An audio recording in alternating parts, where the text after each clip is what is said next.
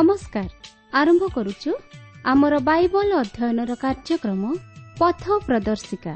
ପବିତ୍ର ବାଇବଲ କହେ କାରଣ ପାପର ବେତନ ମୃତ୍ୟୁ କିନ୍ତୁ ଈଶ୍ୱରଙ୍କ ଅନୁଗ୍ରହ ଦାନ ଆମ୍ଭମାନଙ୍କର ପ୍ରଭୁ ଖ୍ରୀଷ୍ଟ ଯୀଶୁଙ୍କ ସହଭାଗିତାରେ ଅନନ୍ତ ଜୀବନ ଅଟେ। ଆସନ୍ତୁ ସେହି ମୃତ୍ୟୁର ଭୟରୁ ରକ୍ଷା ପାଇ ଅନନ୍ତ ଜୀବନର ଅଧିକାରୀ ହେବା ନିମନ୍ତେ ଶୁଣିବା ବେତାର କାର୍ଯ୍ୟକ୍ରମ ପଥ ପ୍ରଦର୍ଶିକା।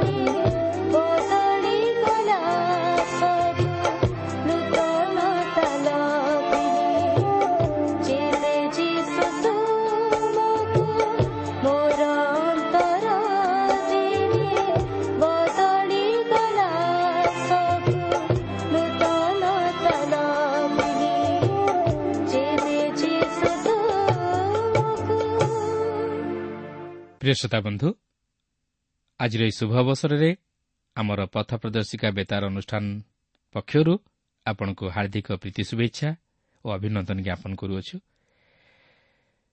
ଆଜିର ଏହି କାର୍ଯ୍ୟକ୍ରମରେ ଯୋଗ ଦେଇଥିବାରୁ ଆମେ ବିଶେଷ ଖୁସି। ପ୍ରଭୁ ଆପଣଙ୍କୁ ଆଶୀର୍ବାଦ କରନ୍ତୁ। କେବଳ ସେତିକି ନୁହେଁ ଆପଣଙ୍କର ପ୍ରାର୍ଥନାର ଅନୁରୋଧ ରକ୍ଷା କରି ଆମେ ଆପଣଙ୍କ ନିମନ୍ତେ ପ୍ରାର୍ଥନା କରୁଅଛୁ। ସେହି ପ୍ରଭୁ ଯୀଶୁ ଆପଣଙ୍କୁ ନିଶ୍ଚିତ ଭାବରେ ସୁରକ୍ଷା କରିବେ। ସେହି ପ୍ରଭୁ ଯୀଶୁଙ୍କଠାରେ ବିଶ୍ୱାସ କରନ୍ତୁ ପାପରୁ ଉଦ୍ଧାରପ୍ରାପ୍ତ ହୁଅନ୍ତୁ ଜୀବନରେ ଶାନ୍ତି ଓ ଆନନ୍ଦ ଉପଲବ୍ଧି କରନ୍ତୁ। ପ୍ରଭୁଙ୍କର ଅନୁଗ୍ରହର ଅଧିକାରୀ ହୁଅନ୍ତୁ। ଆସନ୍ତୁ ତାହେଲେ ପ୍ରଭୁଙ୍କର ବାକ୍ୟ ମଧ୍ୟକୁ ଯିବା ପୂର୍ବରୁ ସଂକ୍ଷେପରେ ପ୍ରାର୍ଥନା କରିବା। ଆମମାନଙ୍କର ସୃଷ୍ଟିକର୍ତ୍ତା ତଥା ଉଦ୍ଧାରକର୍ତ୍ତା ଅନୁଗ୍ରହକାରୀ ପ୍ରେମକାରୀ ପ୍ରିୟ ପବିତ୍ର ପ୍ରଭୁ ତୁମର ଜୀବନ୍ତ ବାକ୍ୟ ପାଇଁ ତୁମର ଧନ୍ୟବାଦ କରୁଅଛୁ। ପ୍ରଭୁ ତୁମେ ଚାହଁ ନାହିଁ ଆମମାନେ ପାପରେ ବିନଷ୍ଟ ହେଉ। ତୁମେ ପାପୀକୁ ପ୍ରେମ କର। ହଁ ପ୍ରଭୁ ଆମମାନେ ପାପୀ ଅଯୋଗ୍ୟ ହେଲେ ମଧ୍ୟ ତୁମର ପ୍ରେମ ପ୍ରଭୁ ତୁମେ ଆମମାନଙ୍କ ପାଇଁ ଉଣା କରିନାହଁ। ତୁମେ ଆପଣାର ପ୍ରାଣ ଦେଇ ଆମମାନଙ୍କୁ ପ୍ରେମ କରୁଅଛ। ମାତ୍ର ପ୍ରଭୁ ତୁମେ ଆମମାନଙ୍କୁ ଏକ ଅନୁତାପର ହୃଦୟ ଦିଅ। ଯେପରି ଆମେ ପାପ ପଥରୁ ଫେରି ସେହି ସମସ୍ତ ପାପ ତୁମ ନିକଟରେ ସ୍ୱୀକାର କରି ଉଦ୍ଧାରପ୍ରାପ୍ତ ହୋଇ ଯେପରି ତୁମର ସନ୍ତାନ ତୋର ଅଧିକାରୀ ହେବାକୁ ପାରିବ ଏବଂ ଈଶ୍ୱରଙ୍କ ନିକଟରେ ଯେପରି ପ୍ରଭୁ ଧାର୍ମିକ ବୋଲି ବିବେଚିତ ହେବାକୁ ପାରିବ ଏହି ପ୍ରକାର ଜୀବନ ତୁମେ ଆମମାନଙ୍କୁ ଦାନ କର। ଆଜିର ଏହି କାର୍ଯ୍ୟକ୍ରମ ମଧ୍ୟ ଦେଇ ପ୍ରତ୍ୟେକ ଶ୍ରୋତାବନ୍ଧୁମାନଙ୍କ ହୃଦୟରେ ତୁମେ କଥା କୁହ ପ୍ରତ୍ୟେକଙ୍କୁ ଆଶୀର୍ବାଦ କର। ପ୍ରତ୍ୟେକ ଜୀବନରେ ତୁମର ଅଭିମତ ତୁମେ ସଫଳ କର। ଏହି ସମସ୍ତ ପ୍ରାର୍ଥନା ପ୍ରିୟ ପ୍ରଭୁ ଯୀଶୁଙ୍କ ନାମରେ ଏହି ଅଳ୍ପ ଭିକ୍ଷା ମାଗୁଅଛୁ।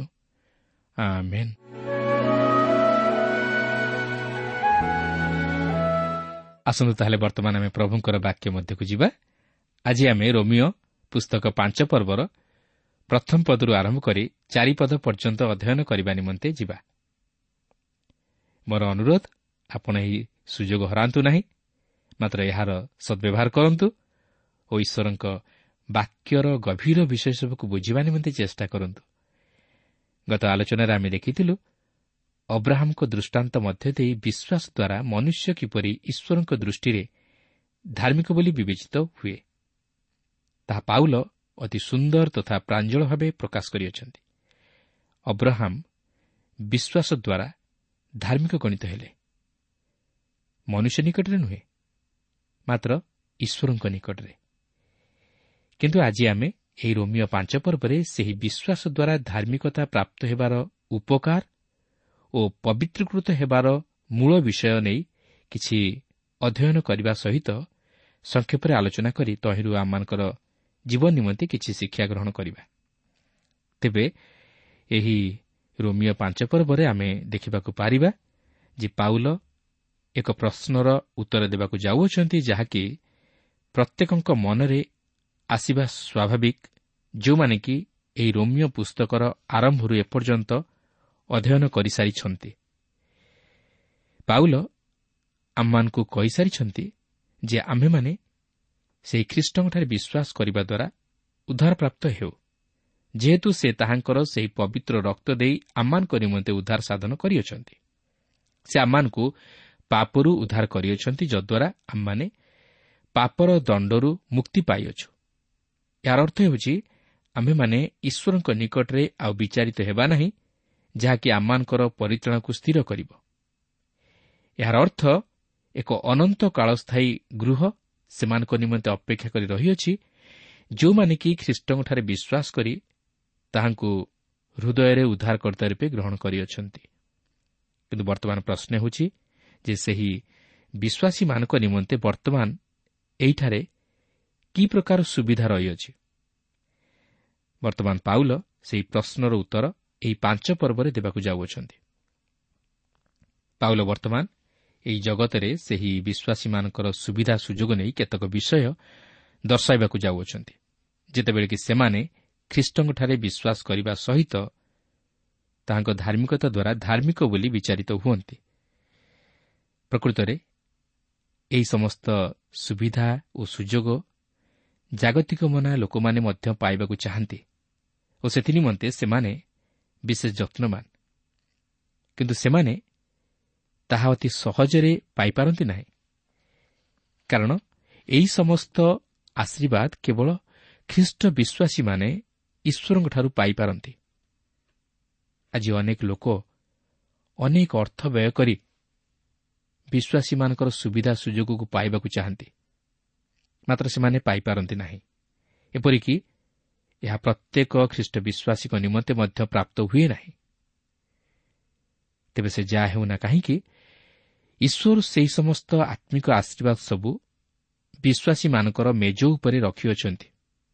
କିନ୍ତୁ ସେହି ସବୁକୁ ପ୍ରାପ୍ତ ହେବା ପାଇଁ ସେମାନେ ନିଜର ବିଶ୍ୱାସର ହସ୍ତକୁ ବଢ଼ାଇବାର ଅଛି ଓ ସେହିସବୁକୁ ଗ୍ରହଣ କରିବା ନିମନ୍ତେ ପ୍ରସ୍ତୁତ ଥିବାର ଅଛି। କାରଣ ଏଫିସିଓ ପ୍ରଥମ ପର୍ବର ତିନି ପଦରେ ଲେଖା ଅଛି ଆମ୍ଭମାନଙ୍କ ପ୍ରଭୁ ଯୀଶୁଖ୍ରୀଷ୍ଟଙ୍କ ଈଶ୍ୱର ପିତା ଧନ୍ୟ ହୁଅନ୍ତୁ। ସେ ଖ୍ରୀଷ୍ଟଙ୍କଠାରେ ଆମ୍ଭମାନଙ୍କୁ ସମସ୍ତ ଆତ୍ମିକ ଆଶୀର୍ବାଦ ଦ୍ୱାରା ସ୍ୱର୍ଗରେ ଆଶୀର୍ବାଦ କରିଅଛନ୍ତି। ଆସନ୍ତୁ ସେହି ସମସ୍ତ ଆତ୍ମିକ ଆଶୀର୍ବାଦ ବିଷୟ ଯାହାକି ଜଣେ ଖ୍ରୀଷ୍ଟ ବିଶ୍ୱାସୀ ପାପରୁ ଉଦ୍ଧାର ପାଇ ପରିତ୍ରାଣର ଅଧିକାରୀ ହେବା ପରେ ଉପଭୋଗ କରେ ସେହି ବିଷୟ ନେଇ ପ୍ରେରିତ ପାଉଲ କ'ଣ ପ୍ରକାଶ କରନ୍ତି ତାହା ଲକ୍ଷ୍ୟ କରିବା।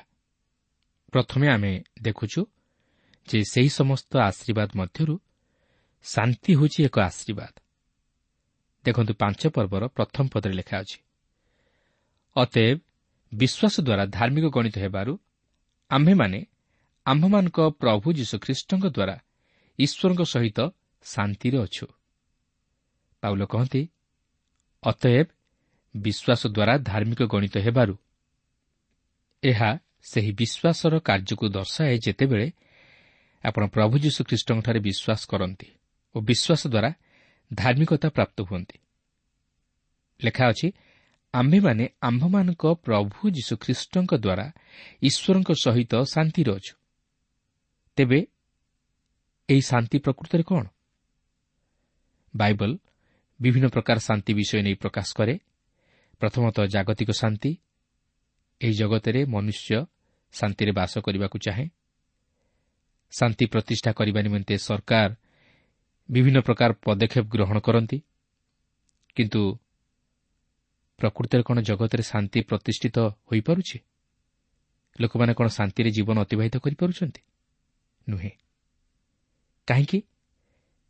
ଯେହେତୁ ମନୁଷ୍ୟ ଆଜି ପାପକୁ ନିଜର ହୃଦୟ ମଧ୍ୟରେ ସ୍ଥାନ ଦେଇଅଛି। ତେଣୁ ଯେପର୍ଯ୍ୟନ୍ତ ମନୁଷ୍ୟ ସେହି ପାପକୁ ନିଜ ମଧ୍ୟରୁ ପରିତ୍ୟାଗ କରିନାହିଁ ବା ପାପରୁ ପୃଥକୀକୃତ ଜୀବନଯାପନ କରିନାହିଁ ସେ ପର୍ଯ୍ୟନ୍ତ ଏହି ଜଗତରେ ଶାନ୍ତି ପ୍ରତିଷ୍ଠିତ ହୋଇପାରିବ ନାହିଁ।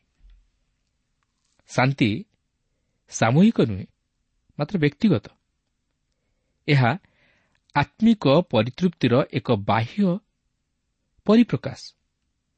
ଯେପର୍ଯ୍ୟନ୍ତ ମନୁଷ୍ୟ ନିଜର ବ୍ୟକ୍ତିଗତ ଜୀବନରେ ଶାନ୍ତିକୁ ଉପଲବ୍ଧି କରିପାରେ ନାହିଁ ସେ କିପରି ଅନ୍ୟମାନଙ୍କ ସହିତ ଶାନ୍ତିରେ ରହିପାରିବ ବା ଅନ୍ୟକୁ ଶାନ୍ତି ଦେଇପାରିବ? ତେଣୁ ଯେପର୍ଯ୍ୟନ୍ତ ମନୁଷ୍ୟ ସେହି ଶାନ୍ତି ରାଜାଙ୍କୁ ଅର୍ଥାତ୍ ପ୍ରଭୁ ଯୀଶୁଙ୍କୁ ନିଜ ହୃଦୟ ମଧ୍ୟରେ ସ୍ଥାନ ଦେଇନାହିଁ ସେ ପର୍ଯ୍ୟନ୍ତ ସେ ଶାନ୍ତି ଅନୁଭବ କରିପାରିବ ନାହିଁ ଆଉ ଯେପର୍ଯ୍ୟନ୍ତ ସେହି ଶାନ୍ତିର ରାଜକୁମାର ଏହି ଜଗତକୁ ଆଗମନ କରିନାହାନ୍ତି ସେ ପର୍ଯ୍ୟନ୍ତ ଏହି ଜଗତରେ ଶାନ୍ତି ପ୍ରତିଷ୍ଠିତ ହୋଇପାରିବ ନାହିଁ କିନ୍ତୁ ଏହି ଶାନ୍ତି ବିଷୟ ନେଇ ପ୍ରେରିତ ପାଉଲ ଏଠାରେ ପ୍ରକାଶ କରନ୍ତି ନାହିଁ ଦ୍ୱିତୀୟରେ ଆଉ ଏକ ଶାନ୍ତି ଯାହାକି ଆତ୍ମାର ଶାନ୍ତିକାରକ।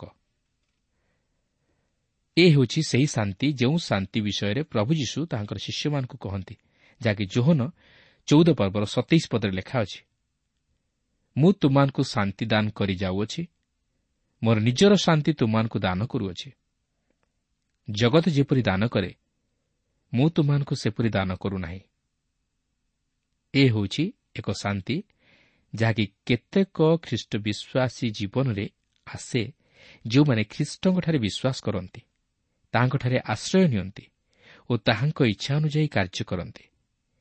ତେବେ ଯଦିଓ ଏହି ଶାନ୍ତି ପ୍ରତ୍ୟେକ ଖ୍ରୀଷ୍ଟ ବିଶ୍ୱାସୀ ଉପଲବ୍ଧି କରିବା କଥା ମାତ୍ର ଅନେକ ସମୟରେ ଯେତେବେଳେ ସେମାନେ ଅନେକ ଉତ୍ଥାନ ଓ ପତନର ମଧ୍ୟ ଦେଇ ଗତି କରନ୍ତି କିମ୍ବା କୌଣସି ପ୍ରକାର ସମସ୍ୟା ମଧ୍ୟ ଦେଇ ବା ସଙ୍କଟ ମଧ୍ୟ ଦେଇ ବା ଦୁଃଖ ମଧ୍ୟ ଦେଇ ଗତି କରନ୍ତି। ସେତେବେଳେ ଏହି ଶାନ୍ତି ଉପଲବ୍ଧି କରିବା ସେତେ ସହଜ ହୁଏ ନାହିଁ। ଯେପର୍ଯ୍ୟନ୍ତ ସେମାନେ ବିଶ୍ୱାସରେ ସ୍ଥିର ନୁହନ୍ତି। କିନ୍ତୁ ଏଠାରେ ଏହି ଶାନ୍ତି ବିଷୟ ନେଇ ପାଉଲ ପ୍ରକାଶ କରନ୍ତି ନାହିଁ। ଏହାପରେ ଆମେ ସେହି ତୃତୀୟ ଶାନ୍ତି ବିଷୟ ନେଇ ଦେଖୁ ଯାହାକି ପାଉଲ ଫିଲିପିଓ ମଣ୍ଡଳୀର ବିଶ୍ୱାସୀମାନଙ୍କ ନିକଟରେ ପ୍ରକାଶ କରନ୍ତି। ଲେଖା ଅଛି ସେଥିରେ ସମସ୍ତ ବୋଧର ଅଗମ୍ୟ ଯେ ଈଶ୍ୱରଙ୍କ ଶାନ୍ତି। ତେବେ ଏହି ଶାନ୍ତି କ'ଣ ତାହା ବୁଝିବା ମଧ୍ୟ ଅତି କଷ୍ଟକର କିନ୍ତୁ ପାଉଲ ଏହି ରୋମିଓ ପାଞ୍ଚ ପର୍ବରେ ଯେଉଁ ଶାନ୍ତି ବିଷୟରେ କହନ୍ତି ଏହା ହେଉଛି ଯୀଶୁଖ୍ରୀଷ୍ଟଙ୍କ ଦ୍ୱାରା ଈଶ୍ୱରଙ୍କ ସହିତ ଶାନ୍ତି।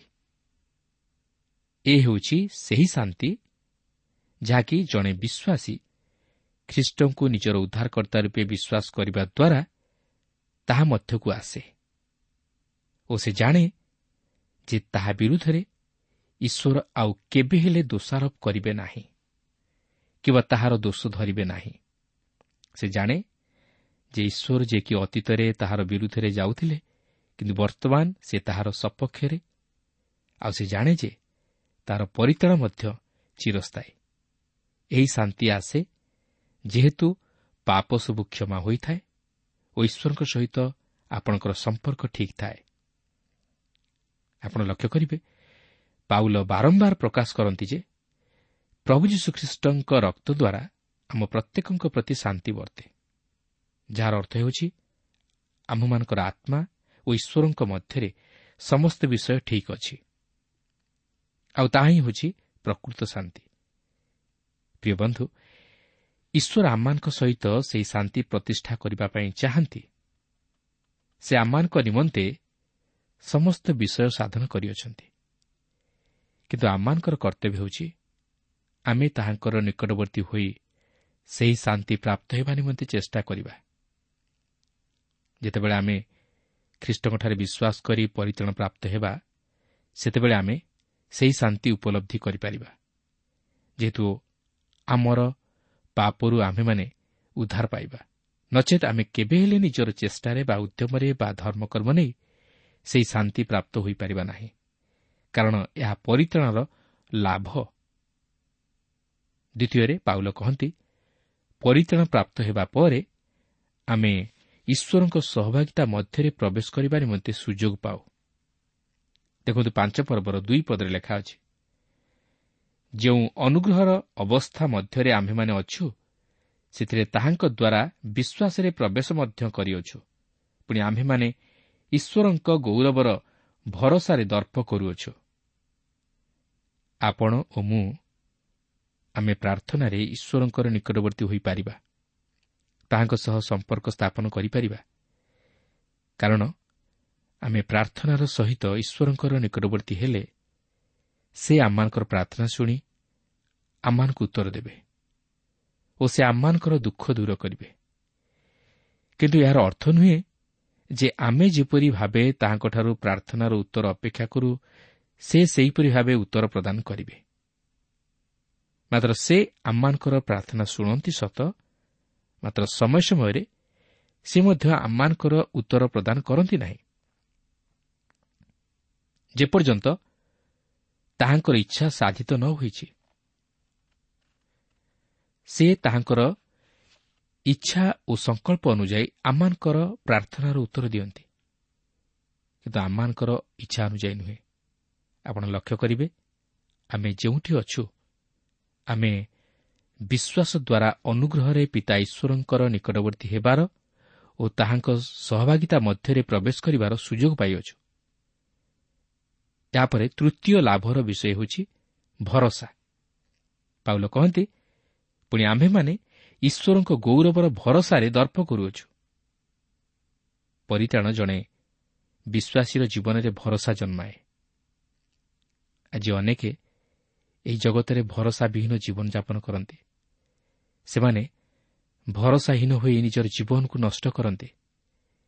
ସେମାନଙ୍କ ନିମନ୍ତେ ଏହି ଜଗତ ହିଁ ସବୁକିଛି କିନ୍ତୁ ଜଣେ ଖ୍ରୀଷ୍ଟ ବିଶ୍ୱାସୀ ଏହି ଜଗତ ମଧ୍ୟରେ କେବେ ହେଲେ ଭରସାହୀନ ହୁଏ ନାହିଁ କାରଣ ସେ ଜାଣେ ତାହାର ସୃଷ୍ଟିକର୍ତ୍ତା ମହାନ ଓ ସେ ତାହା ନିମନ୍ତେ ଏକ ଉଜ୍ଜଳମୟ ଭବିଷ୍ୟତ ରଖିଅଛନ୍ତି ତାହା ନିମନ୍ତେ ସେହି ଅନନ୍ତ ଜୀବନ ସଞ୍ଚିତ ହୋଇ ରହିଅଛି ସେହି ଅକ୍ଷୟ ଓ ଗୌରବମୟ ଧନ ସଞ୍ଚିତ ହୋଇ ରହିଅଛି ଆଉ ସେ ଜାଣେ ଈଶ୍ୱର ତାହା ନିମନ୍ତେ ସମସ୍ତ ମଙ୍ଗଳ ବିଷୟ ସାଧନ କରିବେ ଓ ସେ ମଧ୍ୟ ରଖିଅଛନ୍ତି ସେଥିପାଇଁ ରୋମିଓ ଆଠ ପର୍ବର ଅଠେଇଶ ପଦରେ ଲେଖା ଅଛି ଯେଉଁମାନେ ଈଶ୍ୱରଙ୍କୁ ପ୍ରେମ କରନ୍ତି ଯେଉଁମାନେ ତାହାଙ୍କ ସଂକଳ୍ପ ଅନୁସାରେ ଆହୁତ ହୋଇଅଛନ୍ତି ଈଶ୍ୱର ଯେ ସମସ୍ତ ବିଷୟରେ ସେମାନଙ୍କର ମଙ୍ଗଳ ସାଧନ କରନ୍ତି ଏହା ଆମ୍ଭେମାନେ ଜାଣୁ। ତାଛଡ଼ା ସେ ଜାଣେ ଈଶ୍ୱରଙ୍କ ପ୍ରେମରୁ ତାହାକୁ କେହି ହେଲେ ବିଚ୍ଛିନ୍ନ କରିପାରିବ ନାହିଁ। ଯାହାକି ରୋମିଓ ଆଠ ପର୍ବର ଅଣଚାଳିଶ ପଦରେ ଲେଖା ଅଛି।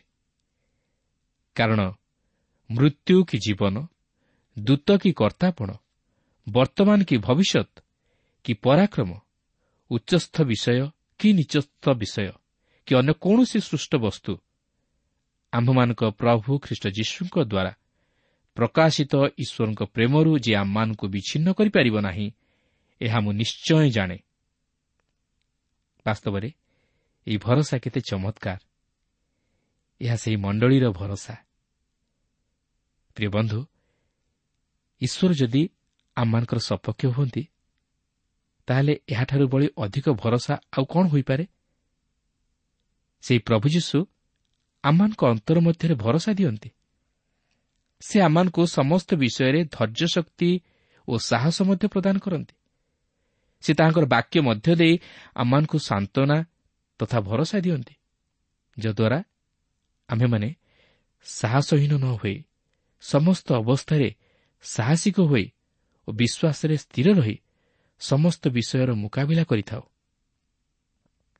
ବାସ୍ତବରେ ଜଣେ ଖ୍ରୀଷ୍ଟ ବିଶ୍ୱାସୀ ପକ୍ଷରେ ଏହା ଏକ ଅପୂର୍ବ ଭରସା।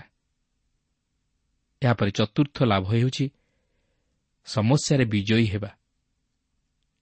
ଦେଖନ୍ତୁ ପାଞ୍ଚ ପର୍ବର ତିନି ଓ ଚାରିପଦରେ ଲେଖା ଅଛି କେବଳ ତାହା ନୁହେଁ ସମସ୍ତ କ୍ଲେଶରେ ମଧ୍ୟ ଦର୍ପ କରୁଅଛୁ। ଯେଣୁ କ୍ଲେଶରୁ ଧୈର୍ଯ୍ୟ ଧୈର୍ଯ୍ୟରୁ ଅନୁଭୂତି ପୁଣି ଅନୁଭୂତିରୁ ଭରସା ଯେ ଜନ୍ମେ ଏହା ଆମ୍ଭେମାନେ ଜାଣୁ।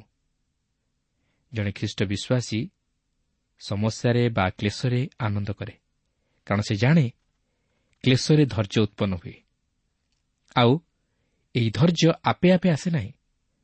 ମାତ୍ର ଅନୁଭୂତି ମଧ୍ୟ ଦେଇ ଆସେ ଓ ଅନୁଭୂତିରୁ ଭରସା ଜାତ ହୁଏ।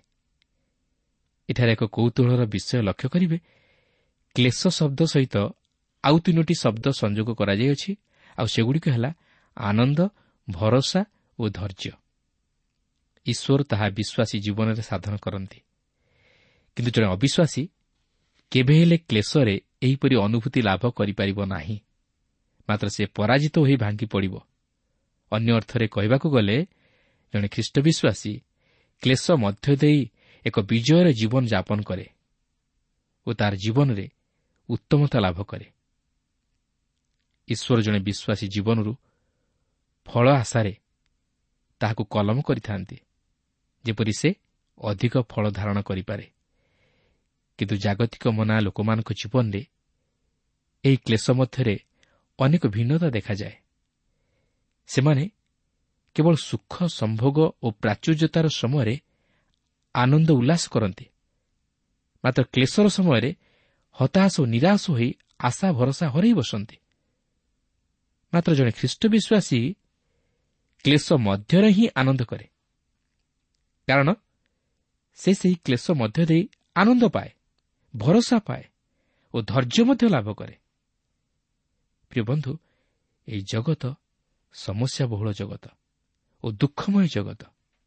ଏହି ଜଗତକୁ ଅତିକ୍ରମ କରି ଆଗ ବଢ଼ି ଚାଲିବାକୁ ହେଲେ ଓ ଏକ ବିଜୟର ଲକ୍ଷ୍ୟ ନେଇ ଆଗ ବଢ଼ିବାକୁ ହେଲେ ଆମମାନଙ୍କୁ ସେହି ପରିତ୍ରାଣର ଅନୁଭୂତି ଲାଭ କରିବାକୁ ହେବ ଯଦ୍ୱାରା ଆମ୍ଭେମାନେ କ୍ଲେଶରେ ମଧ୍ୟ ଆନନ୍ଦ ଭରସା ଓ ଧୈର୍ଯ୍ୟ ଲାଭ କରି ଈଶ୍ୱରଙ୍କ ନିମନ୍ତେ ଫଳ ଫଳିପାରିବା ଓ ଶେଷରେ ଆମେ ସେହି ଗୌରବର ମୁକୁଟ ପ୍ରାପ୍ତ ହେବା ଓ ଏହି ଜଗତରେ ବିଜୟର ସହିତ ଜୀବନଯାପନ କରି ଈଶ୍ୱରଙ୍କର ମହତ ଅଭିମତକୁ ସଫଳ କରିପାରିବା।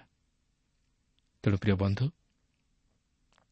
ଆଜି ଯଦି ଆପଣ ଜୀବନରେ ସମସ୍ୟା ମଧ୍ୟ ଦେଇ ଗତି କରୁଅଛନ୍ତି କ୍ଲେଶ ମଧ୍ୟ ଦେଇ ଗତି କରୁଅଛନ୍ତି ଦୁଃଖ ମଧ୍ୟ ଦେଇ ଗତି କରୁଅଛନ୍ତି ଭାଙ୍ଗି ପଡ଼ନ୍ତୁ ନାହିଁ କିନ୍ତୁ ବିଶ୍ୱାସ କରନ୍ତୁ ପ୍ରଭୁ ଯୀଶୁ ଆପଣଙ୍କ ସହିତ ଅଛନ୍ତି। ସେ ଆପଣଙ୍କୁ ରକ୍ଷା କରିବା ପାଇଁ ଚାହାନ୍ତି। ମାତ୍ର ସେ ଚାହାନ୍ତି ଯେପରି ଆପଣ ତାହାଙ୍କ ନିକଟକୁ ବିଶ୍ୱାସର ସହିତ ଫେରି ଆସନ୍ତୁ। ତାହାଙ୍କଠାରେ ବିଶ୍ୱାସ କରନ୍ତୁ। ତାହାଙ୍କ ନିକଟରେ ନିଜର ଜୀବନକୁ ସମର୍ପଣ କରନ୍ତୁ। ତାହାଙ୍କ ନିକଟରେ ନିଜର ସମସ୍ୟା ଜଣାନ୍ତୁ। ତାହେଲେ ସେ ଆପଣଙ୍କୁ ସମସ୍ୟାରୁ ଉଦ୍ଧାର କରିବେ ପାପରୁ ଉଦ୍ଧାର କରିବେ। ଆପଣଙ୍କ ଜୀବନରେ ସେହି ଆନନ୍ଦ ଭରସା ଓ ଧୈର୍ଯ୍ୟ ପ୍ରଦାନ କରିବେ ଯଦ୍ୱାରା କି ଆପଣ ଭାଙ୍ଗି ପଡ଼ିବେ ନାହିଁ ମାତ୍ର କ୍ଲେଶରେ ଆନନ୍ଦ କରି ପ୍ରଭୁଙ୍କ ସହିତରେ ଜୀବନଯାପନ କରିପାରିବେ ପ୍ରଭୁଙ୍କ ସହିତରେ ଆନନ୍ଦ କରିବେ। ପ୍ରଭୁ ପ୍ରତ୍ୟେକଙ୍କୁ ସେହି ପ୍ରକାର ହୃଦୟ ଦାନ କରନ୍ତୁ ଯେପରି ଆମମାନେ କ୍ଲେଶରେ ମଧ୍ୟ ପ୍ରଭୁଙ୍କ ସହିତରେ ଆନନ୍ଦ କରିପାରିବା। ପ୍ରଭୁ ପ୍ରତ୍ୟେକଙ୍କୁ ଆଶୀର୍ବାଦ କରନ୍ତୁ।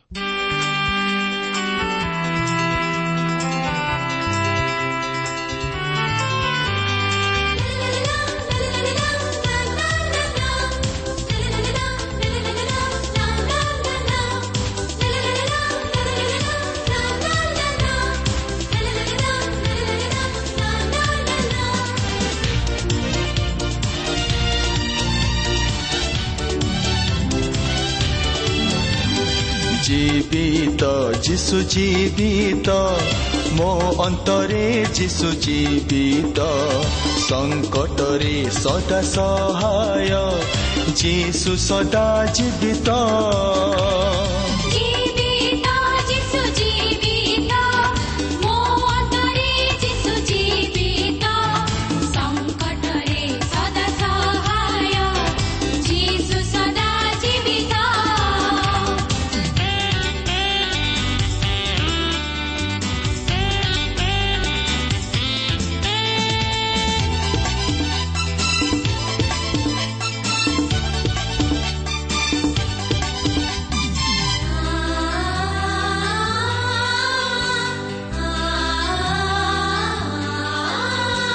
ତାଙ୍କ ଆଜ୍ଞାରେ ସାଗର ବିଭକ୍ତ ହେଲା ଚିରିହ ପ୍ରାଚୀର ଭଗ୍ନ ହେଲା ତାଙ୍କ ଆଜ୍ଞାରେ ଅନ୍ଧ ଦୃଷ୍ଟି ପାଇଲା ତାଙ୍କ ପରସରେ କୁଷ୍ଠି ସୂଚି ହୋଇଲା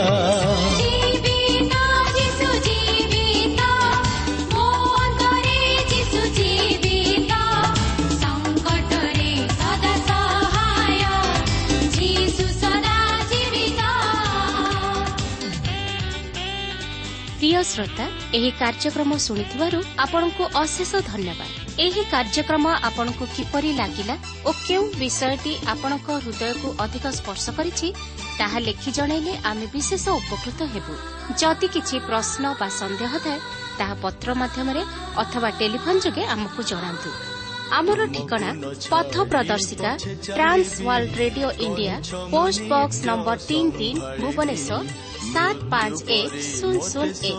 Mobile number nine seven double seven double two one four one five ଠିକଣାଟି ଆଉଥରେ ଶୁଣନ୍ତୁ। ପଥ ପ୍ରଦର୍ଶିକା trans world radio India post box number three three Bhubaneswar seven five one zero zero one mobile number